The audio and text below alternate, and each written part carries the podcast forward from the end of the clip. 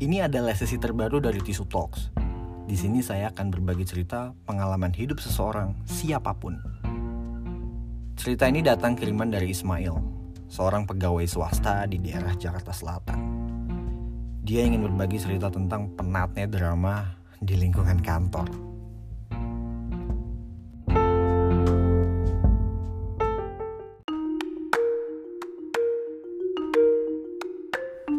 Hai Tisu Talks, saya Ismail.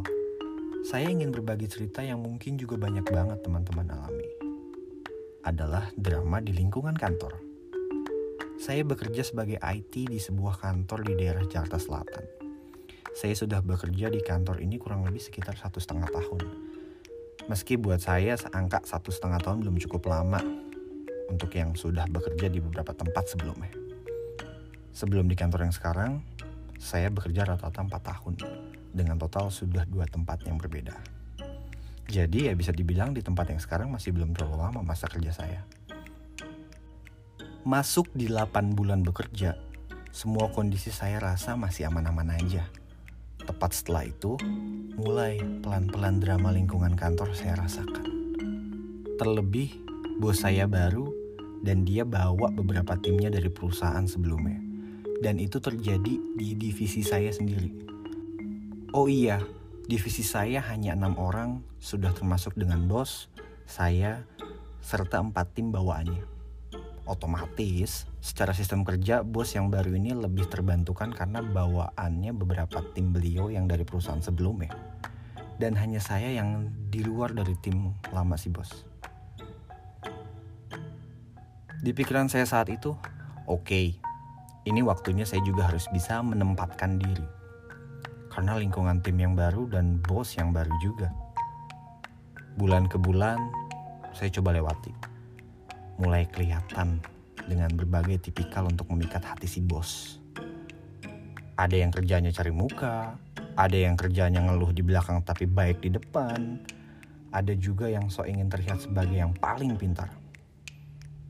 Tapi mereka semua ini ngomongin si bos di belakang dan bahkan ngeluh sama si bos di belakang. Padahal notabene mereka ini bawaan dari si bos di kantor sebelumnya. Dalam hati saya berpikir, oh pantesan si bos senang dan betah. Mereka bisa ambil hati bos dengan berpura-pura di, baik di depan tapi busuk di belakang. Saya mencoba tidak ikut alur mereka. Makanya saya lebih berbaur dengan divisi yang lain yang gak ada kaitannya sama kerjaan bukannya gimana-gimana cuma saya nggak mau ini jadi drama bahkan cenderung toxic jadi ya saya coba bekerja profesional mungkin. Sampai di mana sempat ada momen kerjaan saya tapi mereka show ke bos seolah hanya mereka yang mengerjakan. Dan ini nggak sekali dua kali kejadian. Lucu banget kan? Sempat ada juga momen ketika beberapa kerjaan yang susah-susah dan dadakan itu dilempar ke saya. Keempat tim yang bawaan si bos yang mereka atur pekerjaannya supaya seefisien mungkin bagi mereka-mereka. Dan lagi-lagi, momen kayak gini nggak sekali dua kali kejadian buat saya. Dan puncaknya, minggu lalu, akhirnya saya mencoba peruntungan di kantor yang baru. Alhamdulillah diterima. Senin depan 7 Februari 2022, saya resmi pindah kantor. Karena bagi saya, lingkungan kayak gini bisa mematikan karir saya serta juga kenyamanan rekan kerja yang udah drama macam drakor ini. Jadi gimana? Ada yang sama juga gak nasibnya dengan saya?